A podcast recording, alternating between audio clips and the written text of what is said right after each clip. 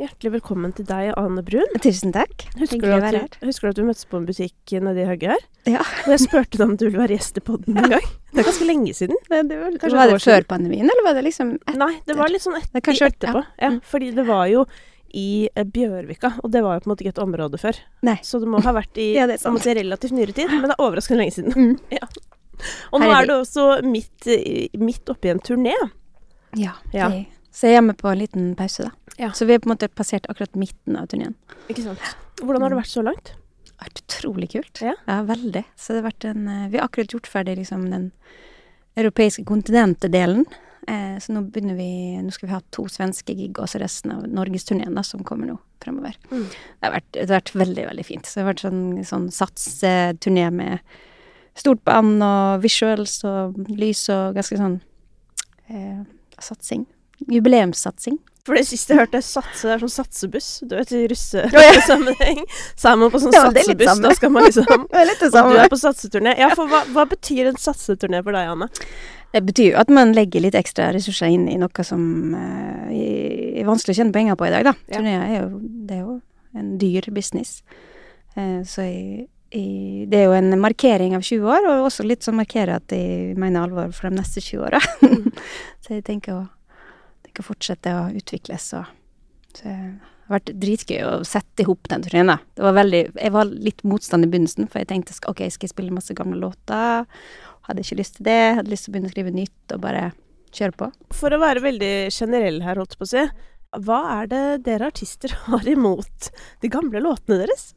Det som er viktig å huske på, er at når man begynner en karriere, mm. så spiller man de låtene veldig mye, for man har bare de låtene. Ja.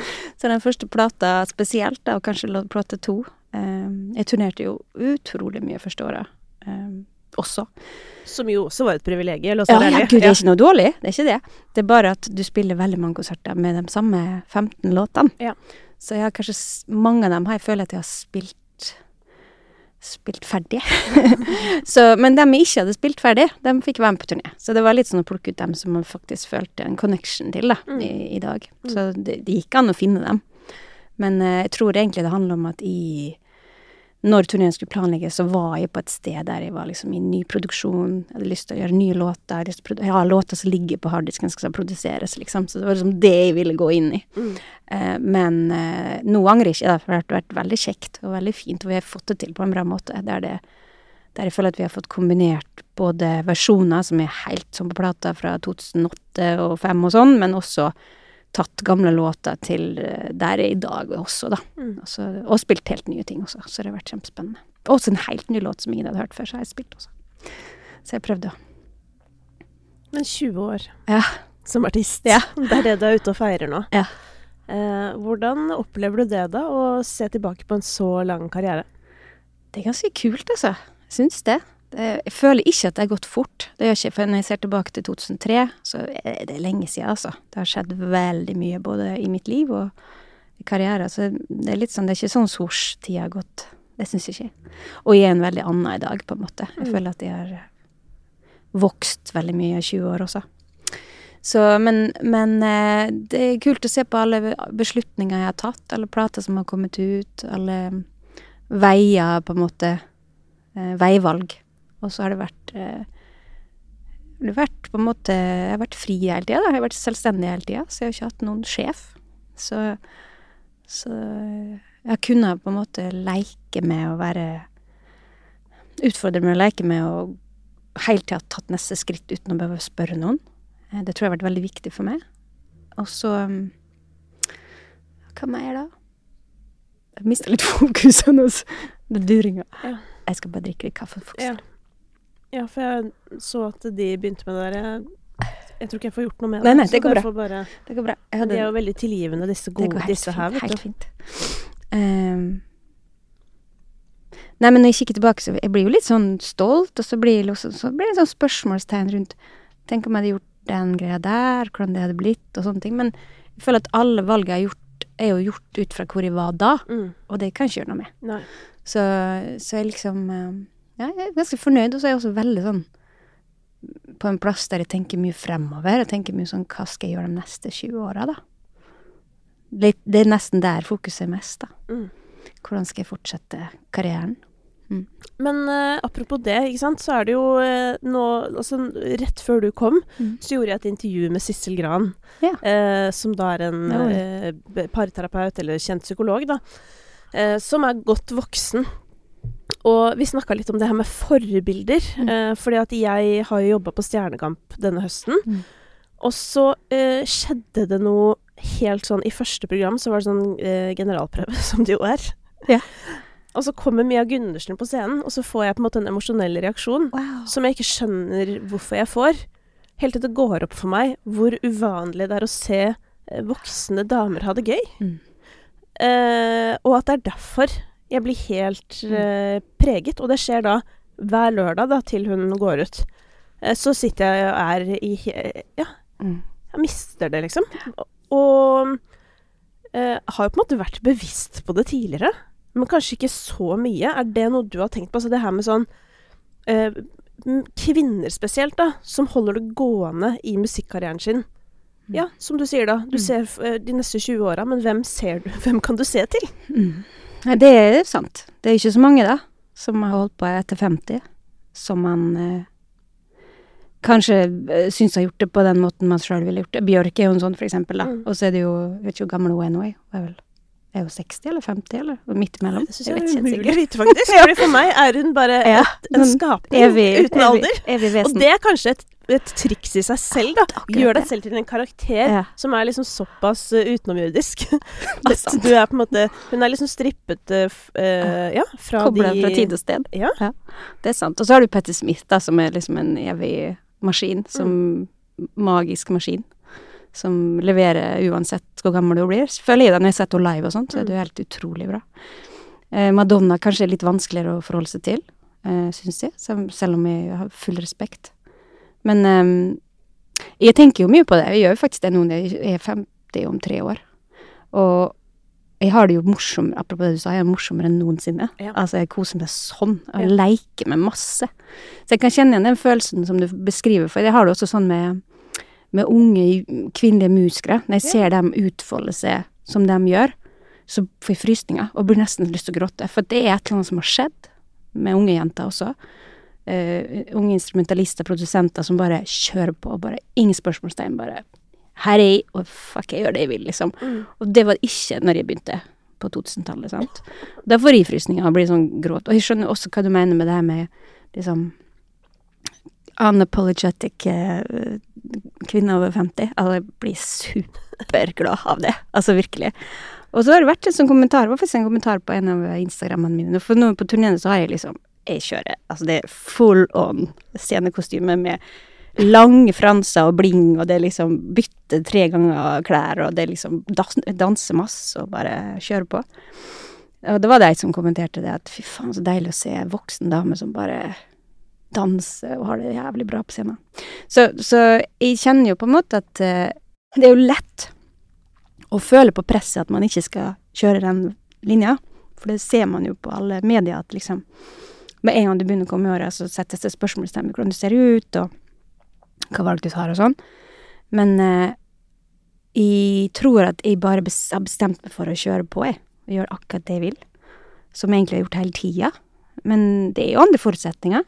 Eh, ut fra Man er ikke unge og lovende, man er ikke Hva skal jeg si Man må holde seg aktuell på rett måte, da, syns jeg. Og det er vel det som er eh, viktig å tenke på, at man drives av de samme tinga, da. Drives av eh, nysgjerrigheten på musikken og kreativiteten og utviklinga, og, og, og nå mer enn noensinne drives jeg av gleden. At jeg koser meg skikkelig. Og om jeg kan holde det, så tror jeg at jeg kan holde meg også aktuell, fordi at om det gnistrer i meg, så kanskje gnistrer det ute også. Eh, så det er liksom litt det jeg tenker på. Så tenker jeg også at ehm, Jeg tenker litt langsiktige planer i forhold til det å holde med Legge et grunnlag som gjør Eller fortsette å legge grunnlag for å få lov å utfolde meg, da. Få lov å få utfordringer, få lov å sette sine musikalske sammenheng der jeg må steppe opp, liksom. Eh, så det er liksom litt det jeg tenker også, at eh, Jeg vet ikke Løfte hodet høyt og fortsette å gjøre det, liksom. Rett og slett. Jeg elsker jo at du sier det der at så lenge det gnistrer av deg, for det, det er liksom litt min livsfilosofi. At sånn derre Jeg, jeg syns det er dritgøy. Ja, sånn, Dette er skikkelig bra. Altså, Så dere er veldig rare hvis dere ikke får litt lyst til å bli med. Ja. Den følelsen der. Og jeg tror det er kjempeviktig som artist, da. Fordi dere jobber jo med i hvert fall i den grad dere skal eh, hente inn nye fans, men, men også til alle som har vært med hele veien. For hver gang du lager ny musikk, så må du jo hente de i, inn i universet ditt. Mm. Og hvis du virker uinspirert, så er det sånn Akkurat. jeg, jeg har ikke lyst. Eller vet sånn, da står det jo hundrevis av andre som Inspirerte. Som Mm. eh, gnistrer, da. Mm. Ehm, så Nei, det elsket jeg å høre. Mm. Ja, for det, det er på en måte så enkelt. Holdt på å si. Og så er det jo eneste måten å gjøre det på for meg personlig også, for Ja. jeg skal jo på en måte trives i det her, da. Eh, Det er jo en jobb som krever en del ekstra Ja. motivasjon, så om ikke jeg trives, så skjønner ikke helt hvordan jeg skal holde den oppe, på en måte. Nei da, Med all reising og ut, sånne ting, så Til og med Lukas Bråten på 23. Ja. Jeg kjente jo dette, Wow. på å si. Ja, det, det er sånn Jeg backet jo Det som skjedde, var jo at dette er jo da en alpinutøver, eh, Norges beste, ja. Som da la opp fordi det var for mye utenomsportslige greier. Eh, og det, det syns jeg var så gøy, så jeg delte på Instagram. Sånn supert forbilde, så fikk jeg mye sånn her 'Han er skikkelig drittunge', nye. så er det sånn Det kan godt hende, men han har fortsatt Essensen her er jo at han har det ikke bra. Nei. Og det er ikke gøy, så da gjør han det ikke. Nei, jeg synes det er imponerende. Og det er jo forbilledlig. Tenk hvis folk hadde gjort det i større grad. Ja, herregud, han har jo liv foran seg til å velge noe annet, så hvorfor ikke? Jeg er det har jo, ja, og det har jo på en måte alle. Ja. For vi bor her i Norge, som jeg pleier å si, og her er det muligheter for Altså det meste. den jobben man ned som eliteutøver, Ja. da skal det være gøy, altså. Ja. Herregud. Men eh, din uh, eliteutøverjobb, jeg vil jo også si at det å være artist eh, på det nivået som du har vært og er, det er jo ganske sånn idretts, toppidrettsutøver når du står på som verst. Mm, ja, det kan man kanskje si. Det er mye med mental eh, trening. Ja. Nei, men det er, mye, det er mye fokus. Veldig mye fokus. Og det Ja. Bruker liksom mm, Noen av musikerne mine jeg tuller med meg at jeg er litt sånn olympier, da. Der, for jeg skal inn, i, inn på viktige konserter, sånn så er det som at jeg bare blir mitt beste, liksom. Og det, det, er mye, det er veldig mye mentalt. Mye fokus. Jeg tror fokus er liksom det som tar tar mye kraft, men også gir mye kraft, selvfølgelig. Mm. Men, eh, og så er det jo alt det der rundt omkring, da, som det skal være verdt å gjøre. Eh, Sånn som det her syns jeg er kjempegøy. Alltid likt. Radio og pod syns jeg er kjempegøy, for det er en naturlig samtale. Er en veldig sånn som liker å samtale. Ja, ja. Så det syns jeg er veldig kjekt. Og så er det andre ting som ikke liker jeg. Men uh, Nei, for hva er det som har vært på en måte dine største utfordringer gjennom karrieren din så langt? Uh, det har vært uh, helsa mi Mm. de første ti åra. Det har vært mye med den, frem og tilbake. Og både rent fysisk at jeg blei veldig sjuk to ganger, Mm. eh, og hadde liksom mellomperioder der jeg var litt hal- haltende. Og så rent mentalt rundt det, da. Det, synes, det har nok vært den største motgangen for meg, for at jeg, jeg var veldig urolig og redd eh, mye den første tiåra av karrieren min, som, som krasja litt med alt det som skjedde. Eh, var veldig mye som, som jeg tror jeg hadde hatt mye morsommere med, da, og hadde nå hoppa på en del sjanser som jeg ikke gjorde, fordi at jeg hadde ikke tryggheten til å kjøre hardt, liksom. Um, og der tror jeg det fanns, fantes ting jeg kunne ha gjort de ti åra som kanskje hadde tatt meg enda mer enda lengre fortere, på en måte. Eh, men nå i de siste ti åra så har jeg kjent at jeg har vært trygg og frisk og, og tør å bare hoppe på ting. Og det har vært utrolig befriende. Så det har vært en av tinga. Og så tror jeg at de første åra så var jeg også veldig prega av liksom litt jantelov. Følte at det lå veldig over meg. Mm. Ehm, som gjorde at jeg syntes det var litt vanskelig å ta veldig mye oppmerksomhet, og hadde vel en grunnleggende liksom litt sånn skepsis til det å synes masse av feil grunn og sånn. Så jeg hadde liksom ingen problemer med å stå på scenen og spille og sånt, det syntes jeg var helt naturlig, men med en det skulle bli noe sånn portrettintervju, eller man skulle liksom synes på den måten, så syntes jeg det var litt problematisk, jeg fikk liksom ikke helt stemme, da. Eh, men det var også noe som jeg på en måte til slutt bare omfavna og tenkte det her er en del av jobben. Gjør det noe morsomt. Og så har jeg klart det. Så får det liksom bare være en del av det. Liksom. Og så får man ha en litt sånn strategi rundt hva man snakker om, og at man er trygg i det man snakker om. Ikke snakke om ting som man kanskje ikke vil snakke om. At man liksom er, er litt sånn bevisst, da. Og da etter det, et, de siste, siste ti åra har jeg også slappa veldig av på den biten, og det blir alt mye morsommere og lettere. Så det kanskje Og så har jeg jo vært eh, indie da hele veien, og det er vel eh, Jeg sitter igjen med følelsen av at det har vært helt rett for meg. For at det har ledd meg til alt det kreative som jeg har gjort de åra her. Men det, selvfølgelig, hadde man hatt større muskler, så hadde man kanskje fått muligheter som jeg ikke veit hva det kunne vært. Så det er liksom Men det veit ikke om jeg er en motgang eller ikke, for jeg veit ikke hva som finnes på andre sida. Så, så det er vel det, da. Ja. Men for, eh, bare for å sette litt sånn bakgrunn her, fordi det jeg tenker for en eh, musikkinteressert sånn 25-åring i dag, Ja. da, så er du litt sånn household name. Eh, men de var jo ikke der da det skjedde, holdt Nei, på å si, så nei. de vet jo liksom ikke helt Nei. hva som var din vei opp. Kan du ikke fortelle litt sånn kort om, eh, om selve gjennombruddet ditt. ditt? Ja, jeg var jo eh, Jeg var jo faktisk 20 Hva jeg var? 22-23 når jeg begynte å skrive min første musikk. Jeg hadde begynt å spille gitar da jeg var 21. Eh, så det var liksom ganske sånn seint. Og da var jeg student alle disse åra der studerte veldig mye forskjellig.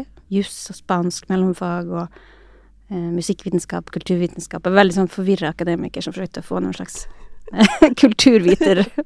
kulturvitergrad til slutt, da. Men etter seks år på universitetet så slapp jeg første plata mi. Og det pågikk liksom samtidig, på en måte, innspilling og sånn. Jeg var veldig sånn var veldig sulten på å lage plate, men jeg visste ikke helt hvorfor. Eller jeg visste at jeg ville ha ei ordentlig plate, for på den tida så hadde man en CD, Mm. og enten var den brent, eller så var den trygt. Ja. og jeg ville ha den trygt, som hadde en, en barcode som man kunne skanne på butikken. Mm. Og jeg jobber i platebutikk i alle år også, fra jeg var 20, liksom. Ja. Så hadde det som deltids- og heltidsjobb hele studenttida Hvilken jobba du på? Først jobba jeg på Hysj Hysj i Oslo, Ja. på Arkaden, eh, med all, all the cool kids. Mm. Og så jobba jeg på Platon i Bergen. Og så jobba jeg i Stockholm, på eh, Svala Søderlund, som er sånn der eh, klassisk jazz. Og det gjorde jeg også på Platon i Bergen, klassisk jazz. Jeg var inne i den, den greia der, da. Mm. Så det var litt sånn ekstra stas å få ei ordentlig plate, da. Så når jeg hadde gjort ferdig første plata mi i Stockholm, da hadde betalt det med studielån og noe slags eh, Tono-stipend jeg fikk i Sverige. Ja, Så du gjorde hele investeringen selv? Ah, ja. Ja. Siste halvåret sitt studielån gikk rett inn i det her. Eh, og så spilte inn det dels med en tekniker som jobba på en radio, så fikk vi komme dit etter stengetid. Og så var det to unge kvinnelige produsenter, da, studenter, som spilte inn resten. Og så gikk jeg liksom ut og sendte ut noen låter til noen mellomstore plateselskap for å liksom kjenne litt på vibben, men jeg syns de sendte så mye kjedelig svar til meg. Eh, Litt sånn lame og masse lite energi. Og så hadde jeg på en måte plan B, da, og det var å slippe det sjøl. Mm. Og det var fordi at jeg var jeg hadde et forbilde, og det var Annie DiFranco, som var liksom indirekte litt min gitarlærer, da. Jeg møtte, møtte hennes musikk, hennes musikk i 98, og da begynte jeg å spille hennes låter, og veldig vanskelig fingerpicking, så jeg forsøkte å lære meg det hun gjorde, og så ble jeg veldig bra på fingerpicking av henne. Og hun hadde eget selskap i USA, var sånn steinhard indie-dame. Så det var liksom alternativet. Og så var det ei svenske som hadde gjort det før, men ingen andre. Det var liksom ei. Så jeg tok en kaffe med henne, og så sa jeg 'hvordan gjorde du det?' Og så fortalte hun hvordan hun gjorde det, og så begynte jeg å sjekke ut det. Eh, og så fikk jeg da distribusjonen gjennom eh, et selskap på den tida, som var sånn indie eh, Hva skal jeg si, indie major, på en måte. Og så traff jeg den manageren min som jeg traff da, og han fiksa den distribusjonen. Og så kom plata ut i mai 2003. Og så fikk jeg vite et par uker etterpå at hele Europa ville slippe det. Så det var liksom fra at jeg skulle ha en plate med strekkode, Mm. til at det ble en europeisk slipp, da. Så det Betyr, jo betyr det at dine ambisjoner egentlig ikke var De var ikke der? synk i det Nei, hele tatt. Nei. Så jeg, jeg skjønte jo ikke helt uh, Jeg hadde liksom ikke vært musiker lenge nok til å en gang ha skapt med drømmer, på en måte. Nei. Så det var liksom sånn Jeg var bare så sulten, Mm. og hadde funnet det her kallet mitt på en måte med musikken. Jeg var helt, jeg hadde sånn driv, liksom. Jeg sprang rundt på T-banen med tre gitarer og sprang og tok alle gig jeg fikk og sånn. Og kjempe, kjempeinspirert og følte at det var veldig viktig det jeg holdt på med for meg sjøl. Um, men så ble det jo Så skjedde det jo noe veldig rart den sommeren, for at jeg, jeg hadde da gått og kjent på litt sånne rare symptomer. Hadde hatt vondt i fingrene, hadde liksom fått utslett, begynt å miste litt hår, gått ned i vekt og følte meg litt sånn stressa og rar og tenkte at jeg var stressa. Og når man er 27 år, så tenker man ikke at man kan bli sjuk. Når man ikke har vært det før. Det går liksom ikke. Det, man er udødelig. Mm. Eh, men i mai kom plata, og i juli så fikk jeg plutselig veldig høy feber, og den gikk aldri bort. Så jeg ble lagt inn på sykehus og fikk diagnosen eh, lupus, som er sånn SLE, autoimmun sykdom. Så det var liksom bare to måneder etterpå plata kom ut, og anmeldelsene hadde begynt å komme inn, og jeg hadde begynt å få litt sånn jobber og sånn, og så bare bom, så var jeg borte et halvår. Mm. Altså, det var helt, det var helt absurd. Og under den høsten da, så begynte det å komme anmeldelser fra Europa, og jeg fikk tilbud om forbandsgreier Europa med navn som jeg hadde liksom sett opp til i alle år. Det var, liksom, det var sånn kontrast. Eh, og så når jeg da kom tilbake og ble frisk, da, friskmeldt, eller hva skal jeg si, eh, i alle fall sånn at jeg kunne gå ut og begynne å jobbe og leve igjen, så begynte jeg å turnere Ja. i 2004. Og da begynte jeg å turnere i Europa, liksom. Turnerte og turnerte og turnerte. turnerte. Og så slapp jeg en ny plate i 2005, og så turnerte og turnerte. Og turnerte.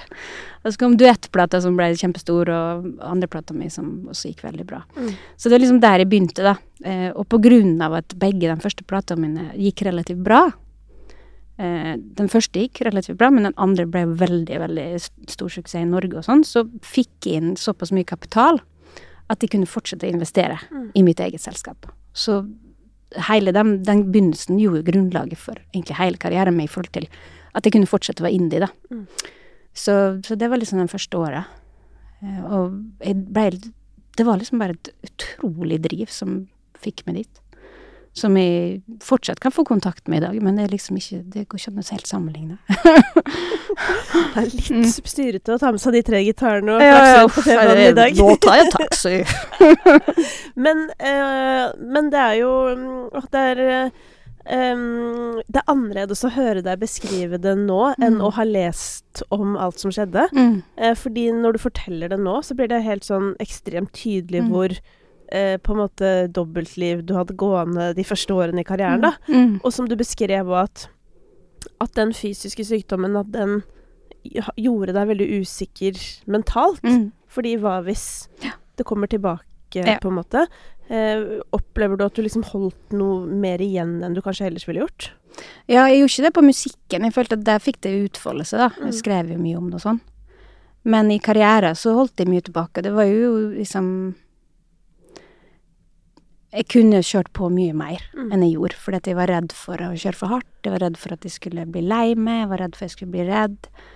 Jeg hadde mye sånn for Hva sier man eh, Jeg hadde mange forbehold, da Mm.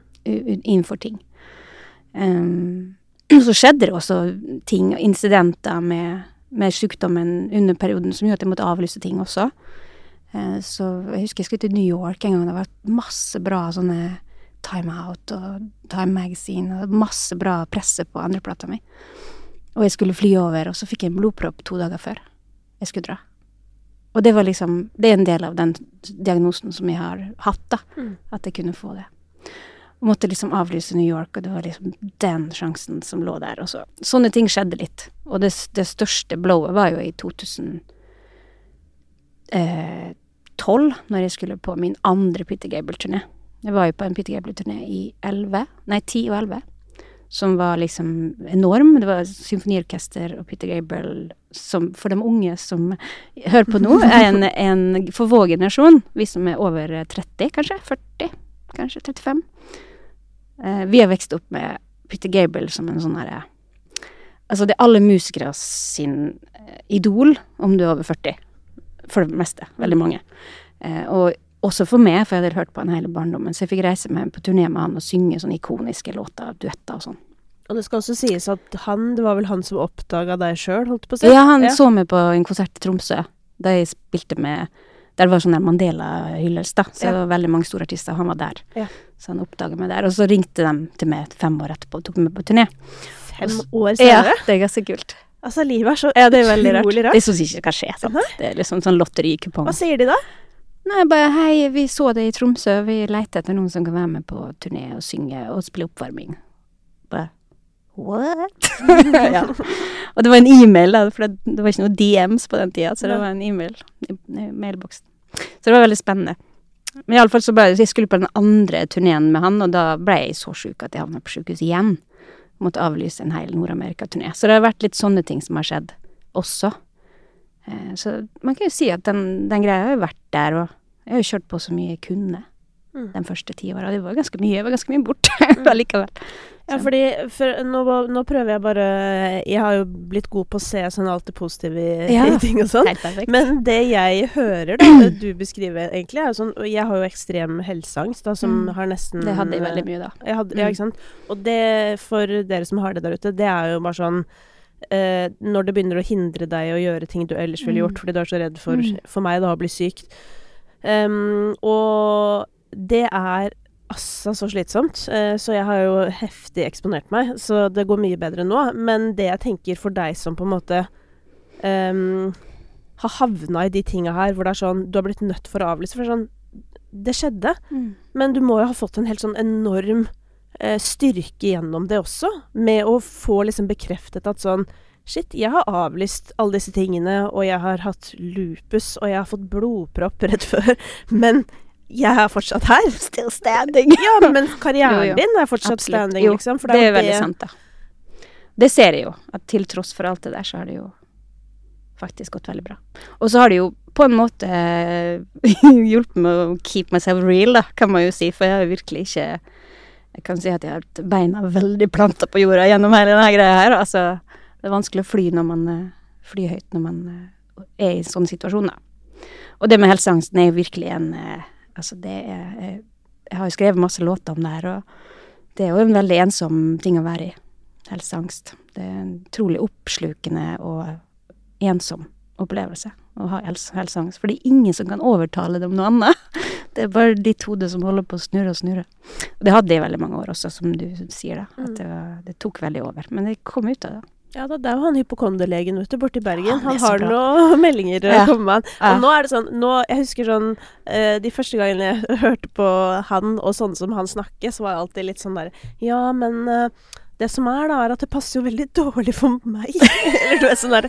Mens nå kan jeg faktisk høre på og bare le med. Ja. det er veldig mye humor. Ja, men Ja. det er jo det. Og jeg føler jo at eh, sånn sett da, så har det jo også gitt Mm. litt glede i livet gjennom, gjennom hvor komisk ja, det humor. er. For det er sånn derre Det i seg selv å tenke at man skal ha kontroll på livet, Mm. det er på en måte så absurd. Mm. Fordi du har på en måte ingen kontroll. Så du kan være en ålreit person, og det er vel Mm. på en måte det du kan få Ja. gjort. Ja. Nei da, så det er godt at vi lærer hele livet, Ja, som jeg pleier å det er så spennende.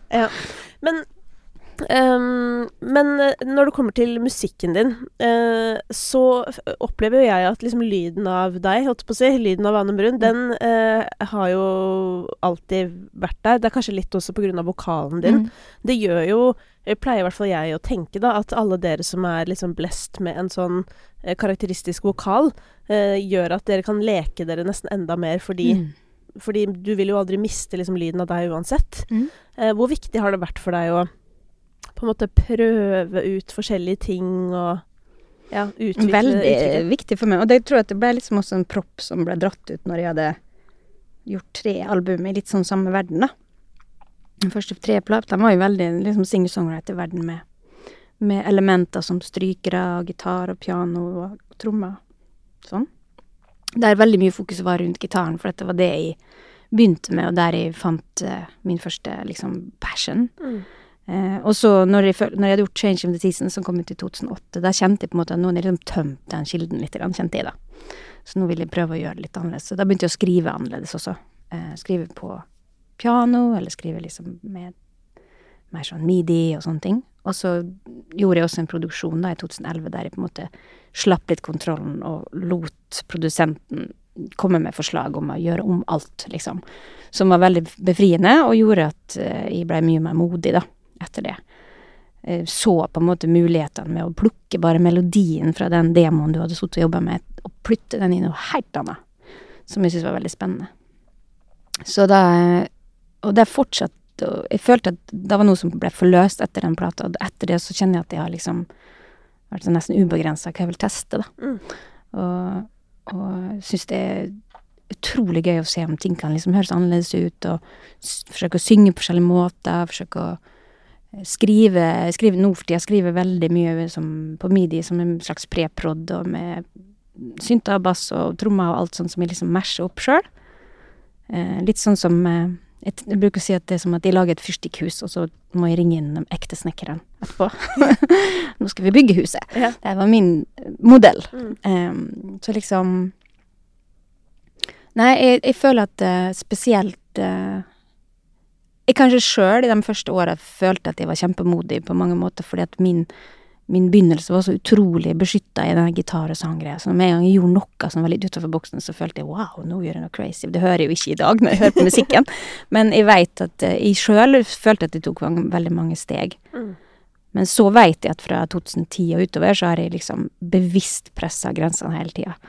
Eh, og det har også gjort at musikken min ligner mye mer på musikksmaken min i dag enn den gjorde da. Ja, det er gøy. Fordi at uh, singer-songwriter-musikken kom inn i livet mitt da jeg var, var 20, kanskje. Mm. første gangen, altså på ordentlig første gangen jeg hørte Joni Mitchell, liksom, var da jeg var 20-21, på ordentlig. Og begynte å liksom plukke opp alle disse fingerpicking-folka. Litt Smith og Nick Drake og, og Anir Frank og Ben Harper og alle den der, som var på 2000-tallet. Uh, men min oppvekst er jo liksom eh, drum and bass og house og, og liksom PJ Harvey og jazz og klassisk musikk og liksom Bill to Spill og altså indie og alt mulig. Mm. Ambient. Altså alt er vokst opp med en veldig sånn brei smak, for jeg vokste, jeg vokste opp med Moldejazzen. Vært engasjert i Moldejazzen da jeg var, var frivillig siden jeg var 13-14, liksom, og gikk på konserter og sånn. Og roper så Roskilde hvert år fra jeg var 17. Og liksom musikkinteressert, og venner som er musikkinteressert, og platebutikk og sånn, sant. Så, så nå i dag så er liksom musikken min mye mer representativ i forhold til alt det jeg hører på sjøl. Mm. Jeg plukker liksom fra all den musikken som jeg sjøl har hørt på. Eh, og spesielt når jeg skulle gjøre den Free-plata i 2015, så hadde jeg sånn her inspirasjonsplaylist, så var liksom, da var det veldig mye fra 90-tallet som jeg liksom bare plukka opp, som jeg elska. When you're ready to pop the question, the last thing you want to do is second guess the ring. At Bluenile.com, you can design a one of a kind ring with the ease and convenience of shopping online. Choose your diamond and setting. When you find the one, you'll get it delivered right to your door. Go to Bluenile.com and use promo code LISTEN to get $50 off your purchase of $500 or more. That's code LISTEN at Bluenile.com for $50 off your purchase. Bluenile.com code LISTEN. Since 2013, Bombas has donated over 100 million socks, underwear, and t shirts to those facing homelessness. If we counted those on air, this ad would last over 1,157 days. But if we counted the time it takes to make a donation possible, it would take just a few clicks. Because every time you make a purchase, Bombas donates an item to someone who needs it. Go to bombas.com slash ACAST and use code ACAST for 20% off your first purchase. That's bombas.com slash ACAST, code ACAST. Og eh, også nå når jeg Men det som er så kult nå, er at veldig mye av det kommer tilbake. Mm. Så nå kan jeg høre det i ny musikk også, eh, og det syns jeg er så spennende. Jeg gjorde en, en eh, samarbeid med en ung produsent i Stockholm som heter Killen Manjaro, som gjorde en remix av min nyeste singel. Mm. Der han tar inn en del sånn 90-tallsting og sånn, og da, det var jo så gøy, for da kunne vi liksom møtes i det, for Ja. han er 25, Ja. og så han, han var kjempeinspirert av den musikken fra 90-tallet, som jeg på en måte var ute og dansa til. Så det var på den gangen, den tida, i Bergen. Så, så det er litt, det syns jeg er veldig befriende akkurat nå, da, at jeg kjenner at uh, rommet er blitt veldig stort for hva jeg kan gjøre med min musikk. Og så er det ett eksempel på, på, på turneen nå, da, så er det en låt som eh, er på It All Starts With One fra 2011. Der jeg skrev en, eh, en demo, da, en låt til den plata, der jeg tenkte i hodet mitt at det her er nesten som Sweet Dreams av Eurythmics. Mm. Men så blei den på plata en så litt sånn klassisk, eh, ganske stor, nesten, nesten klassisk inspirert låt med strykere og piano og puker og sånn. Ganske sånn kraftig. Den heter One, da. Eh, Tittelsporet på plata. Og så nå når vi skulle på turné, så sa jeg til han eh, kapellmesteren min, jeg, har så lyst til å se om vi kan forvirkelige den drømmen jeg hadde da. Om vi kan gjøre en, eh, en Eurythmics-inspirert versjon av denne låten. Ja. Så det har vi gjort nå i dag. Og det er veldig kult, for det har liksom på en måte blitt litt som jeg hadde tenkt fra begynnelsen av. Mm. Men den, den tida turte jeg ikke gjøre det, da. Men i dag føler jeg liksom at taket er så høyt at jeg gjør hva jeg vil. Det, er det, som, det, er jo litt, eh, det er jo litt at det faktisk har blitt det, altså rent objektivt sett. Men så er det jo også, føler jeg, litt med at man må bli voksen. Ja. Det er så kjedelig å si til eh, unge folk som er usikre, sånn derre, og desperate på jakt etter sånn derre Hva skal jeg gjøre? Så er det bare sånn Du må bare vente. Sorry. Det blir så kul seinere, bare vent litt. Det går, går seg noe voldsomt til av seg sjøl. Det er det som er. Men, Mm. men ehm, eh, i hvilken grad har du forholdt deg til måte hva som har vært populært opp igjennom? Mm. Mer at jeg kanskje har hørt mye på det, da. Mm. Jeg jeg har alltid vært veldig interessert i ny musikk. Så um. For det slo meg her om dagen, Mhm. eller det var faktisk til og med i går, tror jeg. Eh, da begynte jeg å høre på eh, et gammelt Magnet-album Mm. Ja. fra 2003. Mm. Eh, helt fantastisk. Og da eh, begynte jeg å tenke opp på For da var jo da du kom, holdt på å si, Ja. også. Og da var jo musikk litt sånn, Mm. på en måte. Og, Mm. og når jeg sier litt sånn for kjedelig for de som ikke har hørt det, Mm. eh, men eh, litt sånn organisk, og det var noe gitar Ja. og kanskje litt sånn flytende vokal og sånn. Men det var jo også på den tiden hvor, hvor eh, hiphop og R&B Sånn det nesten er nå igjen, eh, ble populær. Mm. Um, så det er veldig mye av den tida vi hører nå. Men akkurat den derre Ja, det dere holdt på med holdt på, å si, på den tida, det føler jeg nesten har på en måte blitt litt borte. I hvert fall fra liksom hitlister og den slags, da. Mm. Og for meg så er det på en måte lett å forstå, men samtidig så er det noe litt absurd med det òg, fordi dette var jo det Dette var det vi hørte på hver dag før. Mm. Og så tenker jeg på sånn Tenk på alle som bare aldri får høre det. Hva skjedde, liksom? Det fins jo alle disse playlistene, da, som man finner. Ja, selvfølgelig Og fins det fins jo alle de, alle de artistene som gjør det her i dag også. Men det er jo ikke dritmange som går ut av Limpi Nei. og får lyst til å lage singer-songwriter-musikk, på en måte. det er kanskje sant. Men de dukker jo opp av og til, da. Jeg får jo av og til hørt litt men eh, på en måte så kanskje Det er litt sånn som jeg føler som eh, sånn standard jazz, på en måte. Sang og sånn. Så det kanskje er gjort. Kanskje det skal komme noe mer enn det også. At uh, Kanskje det skal være inspirert av 23. Ja. Uh, sånn at vi hører at det ikke er som da. På Ja, en måte. kan- For det var veldig mye sånn musikk på Ja, den tida. Ja, det skal sies, altså. Det var mye å ta av på den ja. tida. Det, det var det. Og, og kanskje litt sånn som russemusikken er akkurat nå, da, eller festmusikken. At sånn, det er veldig mye å ta av som er veldig likt. Men ikke sant, så er det jo Mm. innimellom så kommer det noe høydere, ikke sant. Litt sånn som, eh, som på den tida òg. Men det er bare veldig rart å tenke på liksom eh, hvordan den organiske musikken var på en måte så viktig, og så Mm. spesielt i mediebildet, da. Og jeg husker sånn derre Hva het det? National Bank. Altså, de Ja. lagde sånn supergruppe. Det var Thomas Dybdahl og noen folk. Det er bare så rart å tenke på. Mm. Det er liksom Det er på en måte utslettet fra historien, da. Um, og Altså, det kan jo komme tilbake, men det har også forandra seg veldig mye i forhold til hva folk som lager musikk, da, Mm. i dag. Sant? I dag kan man jo faktisk lage musikk selv om man ikke har en utdannelse innen musikk, og ikke har, kanskje ikke spiller et instrument engang. mm, Så det er jo vanskelig at dem skal kunne komme og gjøre National Bank. Men dem som er utdanna og kan spille sånn, kan jo fortsatt gjøre National Bank-prosjekt. Ja da, og vi har jo supergruppa Mars, for eksempel. Ja. Altså Karpe og Stig Aarem, Mm. liksom. Som Ja. herregud er Ja. jo en vel så bra, hvis ikke bedre, supergruppe. Eh, men jeg har tenkt en del på Mm. det her med med, fordi at det er jo fantastisk at teknologien tilrettelegger for alt det Mm. den gjør, og Mm. at uh, Jeg tenker spesielt innafor hiphop-sjangeren, da, at, at det muliggjør en del på en måte historier um, som kan få komme ut, som bare ellers ikke hadde blitt eh, hørt, Mm. eller hadde ikke vært kanskje noe forum for det. Eh, men samtidig, da, så er det jo liksom det derre Hele den eh, nå, nå virker sikkert jeg som jeg romantiserer veldig, men hele den klimprestemningen Ja. Klimprestemning, så bra. Eh, Som også på en måte Eller alle, altså jams, da. Som på en måte kanskje var vanligere også i sånn popmusikksammenheng før. Mm. Som jeg bare, jeg bare er nysgjerrig på om de gjør det på Limpi, da. Sånn hender det at dere må sitte inne på et rom og klimprer? Altså greia er jo, jeg tror også at det speiles litt av livescener, da. Fordi Ja. at folk har ikke råd til å ta med seg band lenger. Altså kanskje to, Ja. eller noe sånt. Og det er ikke så lett å skape jam på to. Altså, eh, det tror jeg faktisk spiller rolle, da. Eh, I og med at man ikke Så når jeg begynte, sant, første året, så var det jo liksom sånn at jeg kunne booke en konsert, og så visste jeg at jeg solgte iallfall 10, kanskje 20 plater, Mm. ganger 100. Og så fikk jeg inn noen tusenlapper som jeg kunne betale folk med, og så kunne vi gjøre neste konsert, og så jeg kjente ingenting, men jeg kunne iallfall betale folk. Mm. I dag er det jo liksom Det er ingen penger, liksom, når du begynner. Mm. Du må jo streame ganske mye for å, mye for å få en noe. Eh, og Ja, men de sier at det er 60 000 kroner på millionen, eller ja, det er det- jo ikke så mye penger som kommer inn. Det er et eller annet sånn, og så går jo da 80-90 til Ja. plateselskap, da, hvis Ja. du er på et stort et. Nettopp. Så det er jo Så det er jo fryktelig vanskelig i begynnelsen, og det tror jeg også kan spille inn på musikken. Sant? Det er jo akkurat som når, om man skal snakke musikkhistorie, da. Ja. Når mikrofonen kom, Mm. så kom Billie Holiday. Ja. For hun skulle aldri kunne synge sånn i et rom og bli hørt.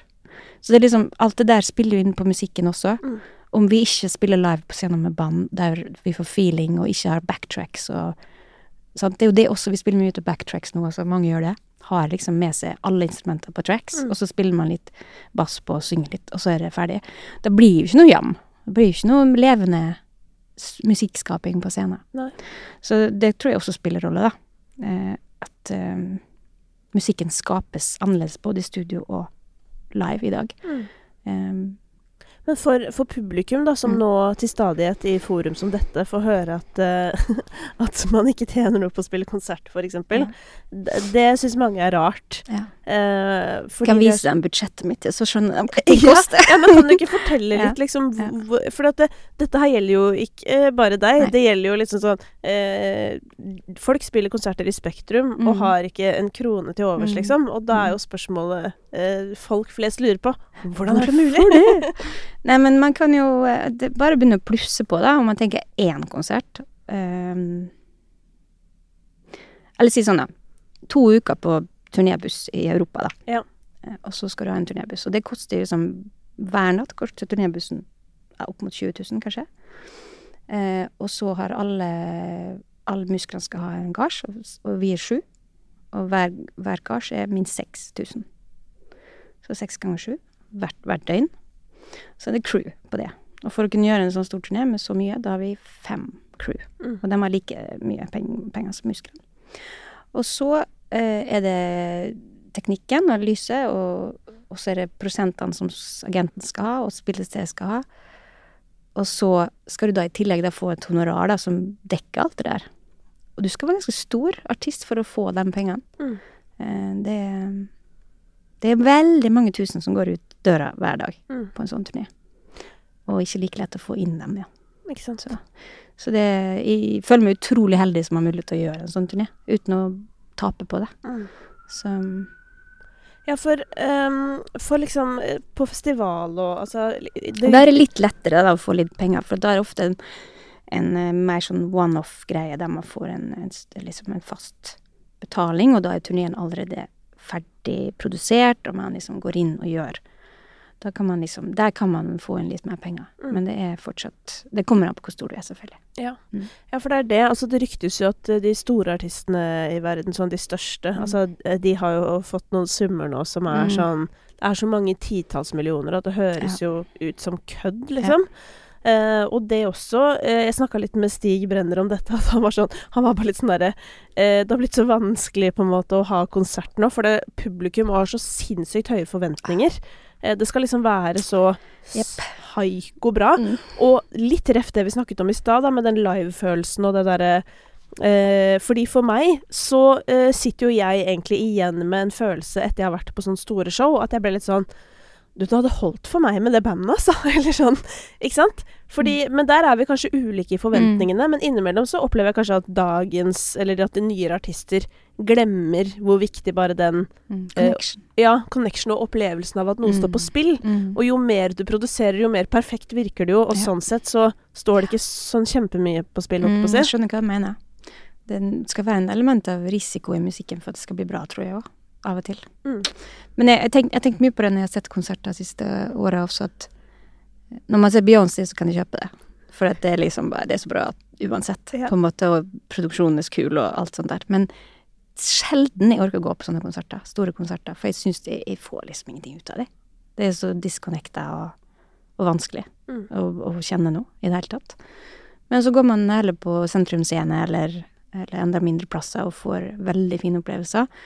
Og da syns jeg på en måte at, eh, apropos det du sier nå, så spiller det mer og mer rolle at faktisk publikum kjenner at artisten på scenen ser at de er der. Mm. For jeg opplever det at jeg har gått på konserter med band som jeg virkelig elsker, og Ja. har vært så utrolig pepp å gå og se. Og så er det som at de ikke ser på oss engang. De står og spiller, og så gjør de seg greier, og så kanskje snakker litt med hverandre, og så kanskje hei. Og så er konserten over, og så spiller de så bra at det høres ut som på plata. Så tenker jeg, hvorfor er jeg her? Jeg kunne hørt på plata. Mm. At det er veldig viktig at, um, å tenke på at eh, publikum har valgt å komme, og valgt å betale. Og da skal de også få se at jeg ser at de er der. Ja. Takk for at dere kom, liksom. Og gi dem den lille ekstra opplevelsen Så de skjønner at det er verdt å kjøpe den billetten, for billettene er dyre nå, altså. Jeg så hva de tok for mine billetter i Europa, jeg bare ops! Ja, hva var det? Eh, Som i Danmark så koster de 850 kroner. 850? Jeg syns det er mye penger Ja, for en billett. det er mye for en billett, Det er liksom to timer. Ja, ja, men det er fordi det, det som på en måte alltid er dialogen, føler jeg, sånn på nyhetene og sånn, det er sånn Nå koster det 4000 kroner for en familie å dra på Plutti Pluttipott, eller du vet sånn. Og det er jo så mye, men ja, det er som du sier, eh, konsertprisene har jo også gått eh, veldig opp, Mhm. og det har jeg jo også skjønt at skyldes at at um, det er en del sånn produksjonsting som har også Alt blitt veldig mye dyrere. dyrt, ja. Eh, og det Men da er det jo, som du sier, da, den opplevelsen er jo desto viktigere. Ja. Um, og vi er, har jo blitt veldig bortskjemte liksom pre-pandemi også. Det, det, har skjedd veldig mye, i hvert fall her i Norge. Konserter hele tida. Festivaler overalt, i hvert minste bygd og by, Mm. holdt jeg på å si. Og spørsmålet er jo på en måte om det er bærekraftig. Det er i hvert fall jeg veldig spent på. eh, Mm. Hvordan det kommer til å utvikle seg fremover. For nå eh, kommer jo Altså, jeg er jo på sånn økonomiturné, jeg. Holdt på å si for tiden. er det for noe? Nei, det er nei, eh, hashtag reklame. Jeg jobber for DNB med noe Ja, som heter Hun okay. investerer, som Ja, ligger mitt hjerte ja. veldig nær. eh, Fordi Nettopp. det er som om den Mm. kampanjen er laget for meg. Jeg visste ikke hva fond var for Nei, fire år siden. bra. Ja, så det er veldig bra for meg, og veldig trist å finne det ut på en måte. Eh, mest fordi jeg bare føler sånn um, Tenk på alle som har, eh, som meg, da, bare ikke hatt på en måte tilgang på Mm. den informasjonen. Mm. Men, um, men jo, det, det, skal ikke bli bedre økonomi med det aller første, eh, sier dem. Sånn Høres ikke sånn ut. Nei, så, så derfor så er det liksom, blir litt ekstra spennende nå neste år. Men jeg tror jo liksom at, at, som du sier, da, at det som overlever, er jo det da som, som berører, holdt jeg på å si.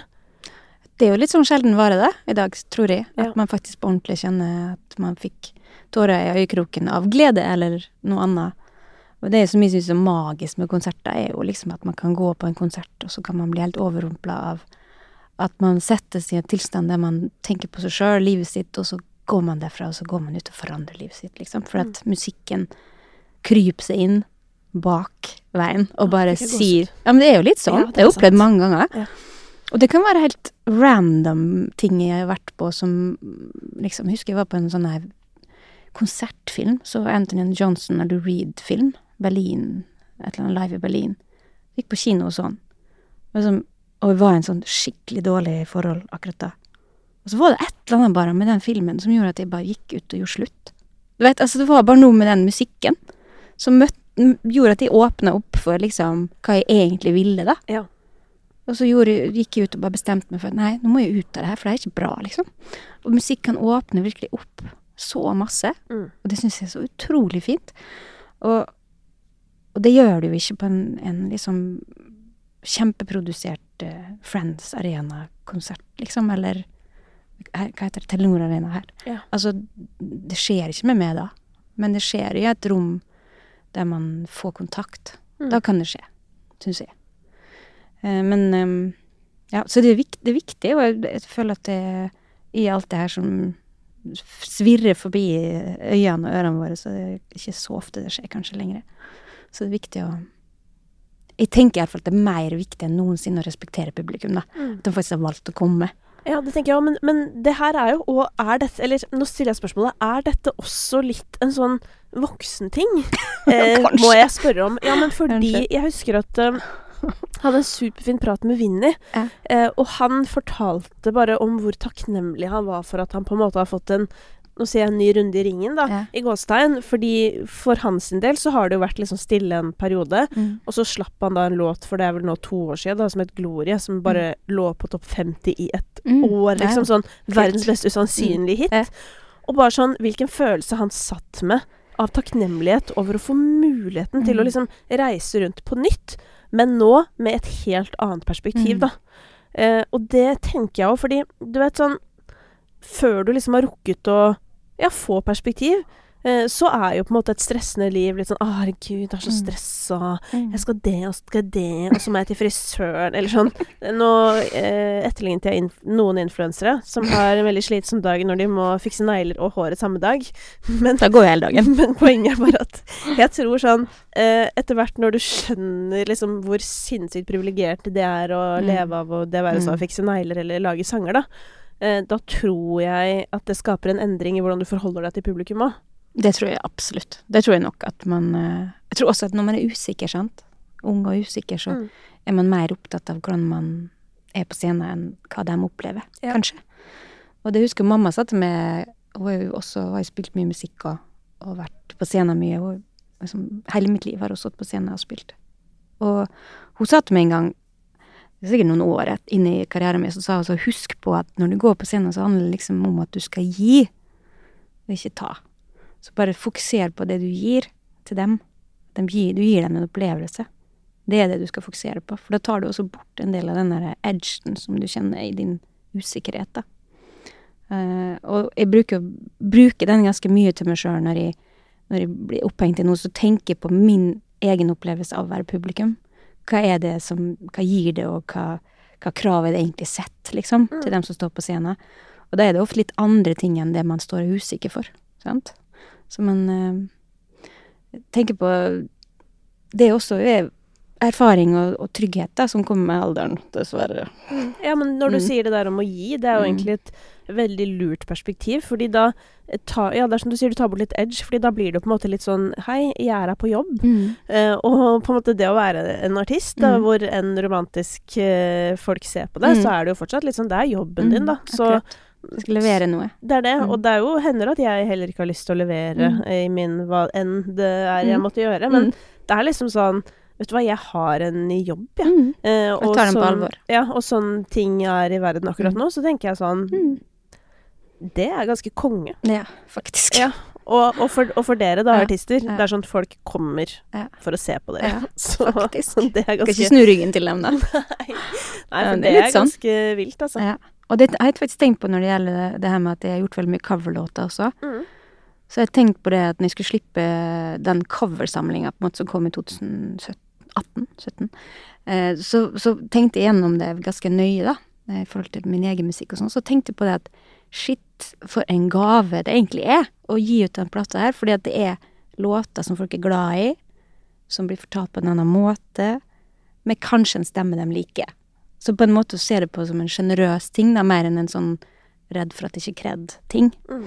Eh, at liksom musikk er sjenerøsitet, og musikk er liksom en gave til folk. Og at man skal være litt, litt løssluppen med sin sjenerøsitet når det gjelder musikk. Og jeg tror at vi, vi musikere og artister kan være litt sånn uten at vi tenker på det som det, så man kan være litt sånn gniende på å være sjenerøse med oss sjøl. Og jeg tenker at det som, det, det finnes ikke noe sånn liksom kultur blant oss skandinaviske musikere og artister å sette oss i hjørnet på festen og spille en trall. Det er liksom ikke noe vi gjør. Det noe, vi kjenner at vi, den plassen skal ikke vi ta, på en måte. Men samtidig er jo musikk bare en, en gave. Som, som å lage en god mat, på en måte. Vær så god, mennesker. Dere liker det her. Vi gir det til dere. Så jeg tenker at eh, å være liksom i, den, i det rommet, da, når det gjelder det man gjør, jeg tror det er viktig. Og det gjør oss alt mye morsommere for meg. At jeg tenker at liksom Jeg har noe å tilby, så da gir jeg det. Det syns jeg er fint, da. Jeg elsker at det var du som sa dette. Det var dine ord. For at eh, jeg har jo innimellom prøvd å formidle dette på en beskjeden måte, og, og jeg gjør det også beskjeden, for jeg gjør det med dyp respekt. Mm.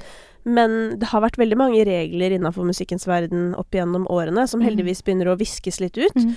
Men jeg opplever at, at det er um, ja, litt sånn lite rom for lekenhet, Mm. på en måte. Som kanskje handler om usikkerhet. Da. Liksom, hva vil andre tenke om meg hvis jeg lager sang med denne personen, eller hvis jeg stiller opp på det og det. Det er sånn Mm. uh, Og grunnen til at jeg blir lei meg for det, er jo sånn Ingen bryr seg. Det er akkurat det. Det er veldig viktig å komme på. Spesielt i dag. Ja, så det er liksom sånn Altså. Ja, selvfølgelig, ja, for 15 år siden så var det en eller annen sur fyr eh, som kunne skrive i VG at Ane Brun er klein fordi hun synger coverlåt, liksom. Men det er sånn Den tiden er, Det er forbi. forbi, Det er sånn VG og. Dagbladet anmelder Stjernekamp og Skal vi danse Ja, på dypeste alvor. Eller du vet sånn det er veldig Vi er ferdige nå. Ja. Ja. Eh, og, og det uh, skulle jeg jo Eller det håper jeg liksom at at enda flere eh, tar inn over seg, Mm. på en måte. Fordi Mm. jeg husker og jeg lagde jo Jeg rappa jo i en liten periode på mine yngre dager, holdt på å si, og hvor sinnssykt alene jeg var, liksom. Jeg var helt alene i Mm. verden. Mm. Eh, og alle var dritslemme. Mm. Og på en måte sånn Det må aldri gjenta seg.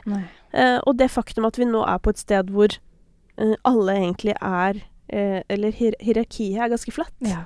og mulighetene Mm. er så utrolig mange, så blir jeg sånn Bruk de, vær så Jeg er enig, altså. For Ja. det er også det med sjangerblanding som var helt liksom Det var jo, det var jo fy-fy. Ja, du jo, men du kunne jo bokstavelig talt ikke bli sett, nesten. Nei. Snakke med noen Nei. som holdt på med en sjanger som var under din, holdt Ja. på å si. Det var jo helt krise. Ja, det er helt forferdelig, Ja. og vi kan le av det nå, Mm. men jeg er, er dypt lei meg, på ekte sånn. Skikkelig lei meg over Mm. hvordan ting har vært. Mm. Eh, fordi Og så og så blir jeg rørt av at de som vokser opp nå, slipper det.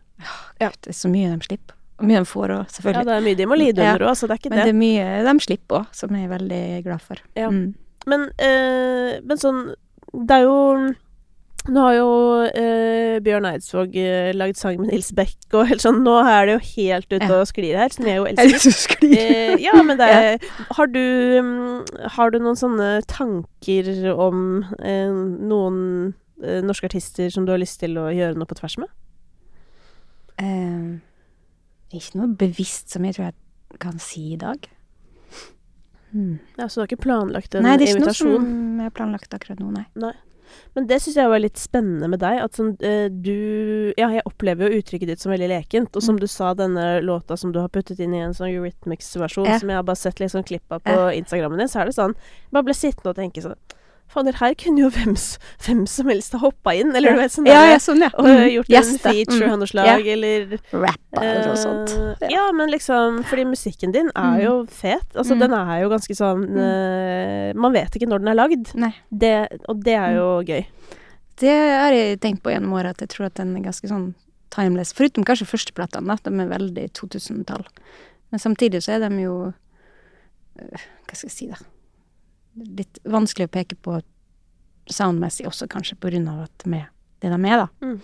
Men, øh, ja, men det er fint at du sier det. Jeg føler at det Jeg kjenner liksom, når jeg lager musikken min, så kjenner jeg at jeg, jeg står liksom på mine egne skuldre og lager musikk. Jeg står ikke og kikker rundt meg og tenker hva jeg skal nå. Jeg står liksom på min egen katalog og, og klatrer oppover. Og jeg vil liksom videre fra meg sjøl, på en måte. Mer enn at jeg vil dra inn masse andre ting i musikken min. Jeg vil liksom utvikle det jeg har, da. Men har du ikke hatt noen utfordringer med sånn sammenligning Altså, da mener jeg Mm. negativ sammenligning, da. Mm, nå skal vi tenke. Jeg har kanskje ikke, i alle fall ikke brydd meg så mye som jeg Jeg husker ikke akkurat Tenker nå. tenker at hvis du må tenke over det, da Ja. har du ikke hatt kjempemye problemer med det. Nei, men det, det har jo vært eh, Jeg tror spesielt de første ti årene når det var veldig sånn syngedame, singer-songwriter-dame, alle disse damene som kommer nå. Det var veldig mye sånt de Ja. åra der. Hver eneste gang man slapp en plate, så var det liksom Ja, hei, kom igjen, det er en jente med gitar. Det var veldig mye sånt i begynnelsen. Da var det som en sånn flod av kvinnelige artister som kom, syns de. Da ble man liksom satt i en bås med en gang, da. Ja. Eh, men jeg syns ikke det har vært et problem. Skal ikke komme for mange på likt, vet du. Nei, det det blir litt mye. slitsomt. så det blir mye å forholde seg til. Nei, så det, så det var litt sånn Den morsomste etiketten jeg fikk en gang på turné i USA, den på andreplata mi, tror jeg, var jo ganske mørke tekster, da, men da var det at uh, I was part of the Scandinavian suicide scene. Herregud, den scenen har ikke jeg hørt om. Nei, ikke heller. Men det var morsomt. Nei, men i alle fall um, freak-folk og sånn som var på den tida. Ja. Er man litt annerledes og spiller folk, så var man freak-folk. Ja. Det jeg var morsomt. Mm. Kreative Mm. begreper, da, gitt. Nei, så jeg kan ikke komme på noe Så Kate Bush brukes jo alle damer. Ja. Og jeg har aldri hørt på Kate Bush, så det har man hørt mange ganger. Men, men eh, ja, og Det er jo kanskje fordi det har vært for få forbilder, da.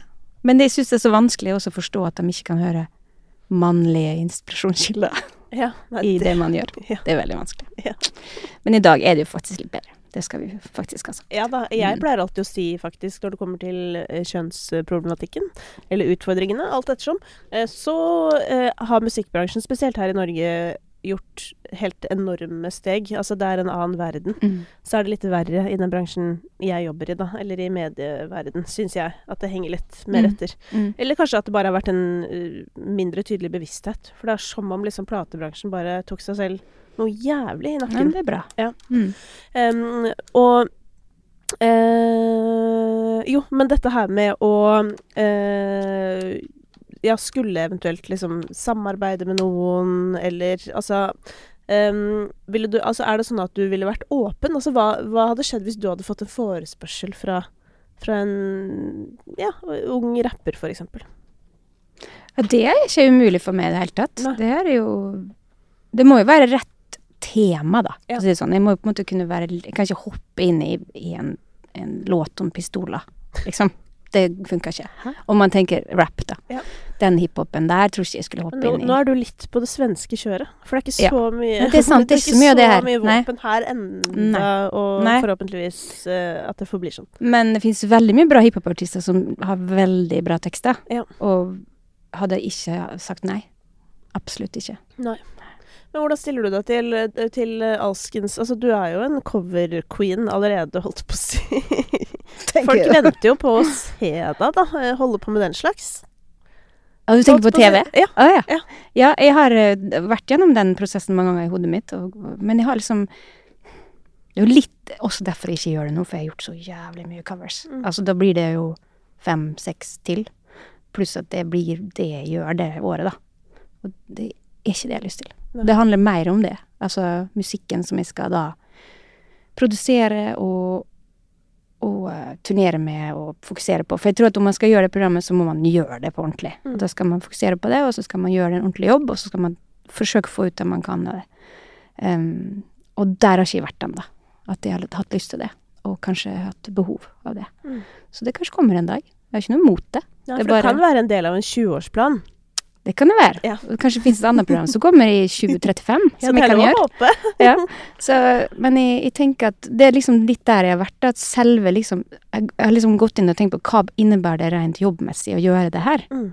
Jo, da skal jeg spille inn seks-sju covers. Og jeg har akkurat sluppet liksom Hvor mange covers har jeg sluppet de siste tre åra, da?